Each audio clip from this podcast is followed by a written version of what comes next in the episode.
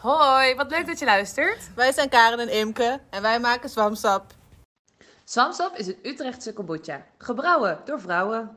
Ja, zoals jullie weten maken we zwam omdat opa, ja, die mist zwamsap, want oma kan het niet meer maken.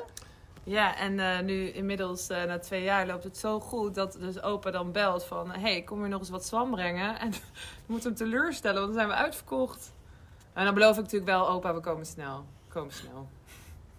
Ja, waarom in Utrecht? Eh, we wonen hier allebei en met heel veel plezier. Maar we waren ons ook wel heel erg bewust dat we meer consumenten van de stad waren. En we wilden meer in verbinding komen met de stad en met alles wat er gebeurt. En via het, het maken van je eigen onderneming kwamen we met zoveel mensen in contact. En dat, dat is echt heel erg leuk. Dus je, je krijgt een andere verbinding met de stad. Ja, en ook een andere kijk. Want je merkt echt dat ehm, de, de, kleine ondernemers in Utrecht echt elkaar steunen daarin. Dus als je iets begint of je hebt een bepaald evenement... of ook vooral nu met corona, anderen hebben het misschien wat lastiger. Je helpt elkaar, je steunt elkaar daarin. En je, je kan ook hele leuke creatieve nieuwe ideeën opstarten. Omdat iemand dan weer een bepaald product over heeft of een ander idee heeft. En dan vul je elkaar heel mooi aan. Wat voor ons echt ontzettend leuk was en heel erg heeft geholpen, is dat er een aantal cafés waren in het begin die, ons, die in ons geloofden en ons hebben gesteund. Die het leuk vonden. En omdat zij ja, van ons gingen afnemen, konden wij langzaamaan gaan groeien.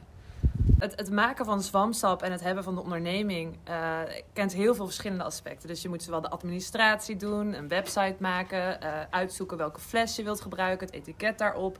Maar ook het maken van de smaken. En dat willen we allemaal op een biologische manier doen.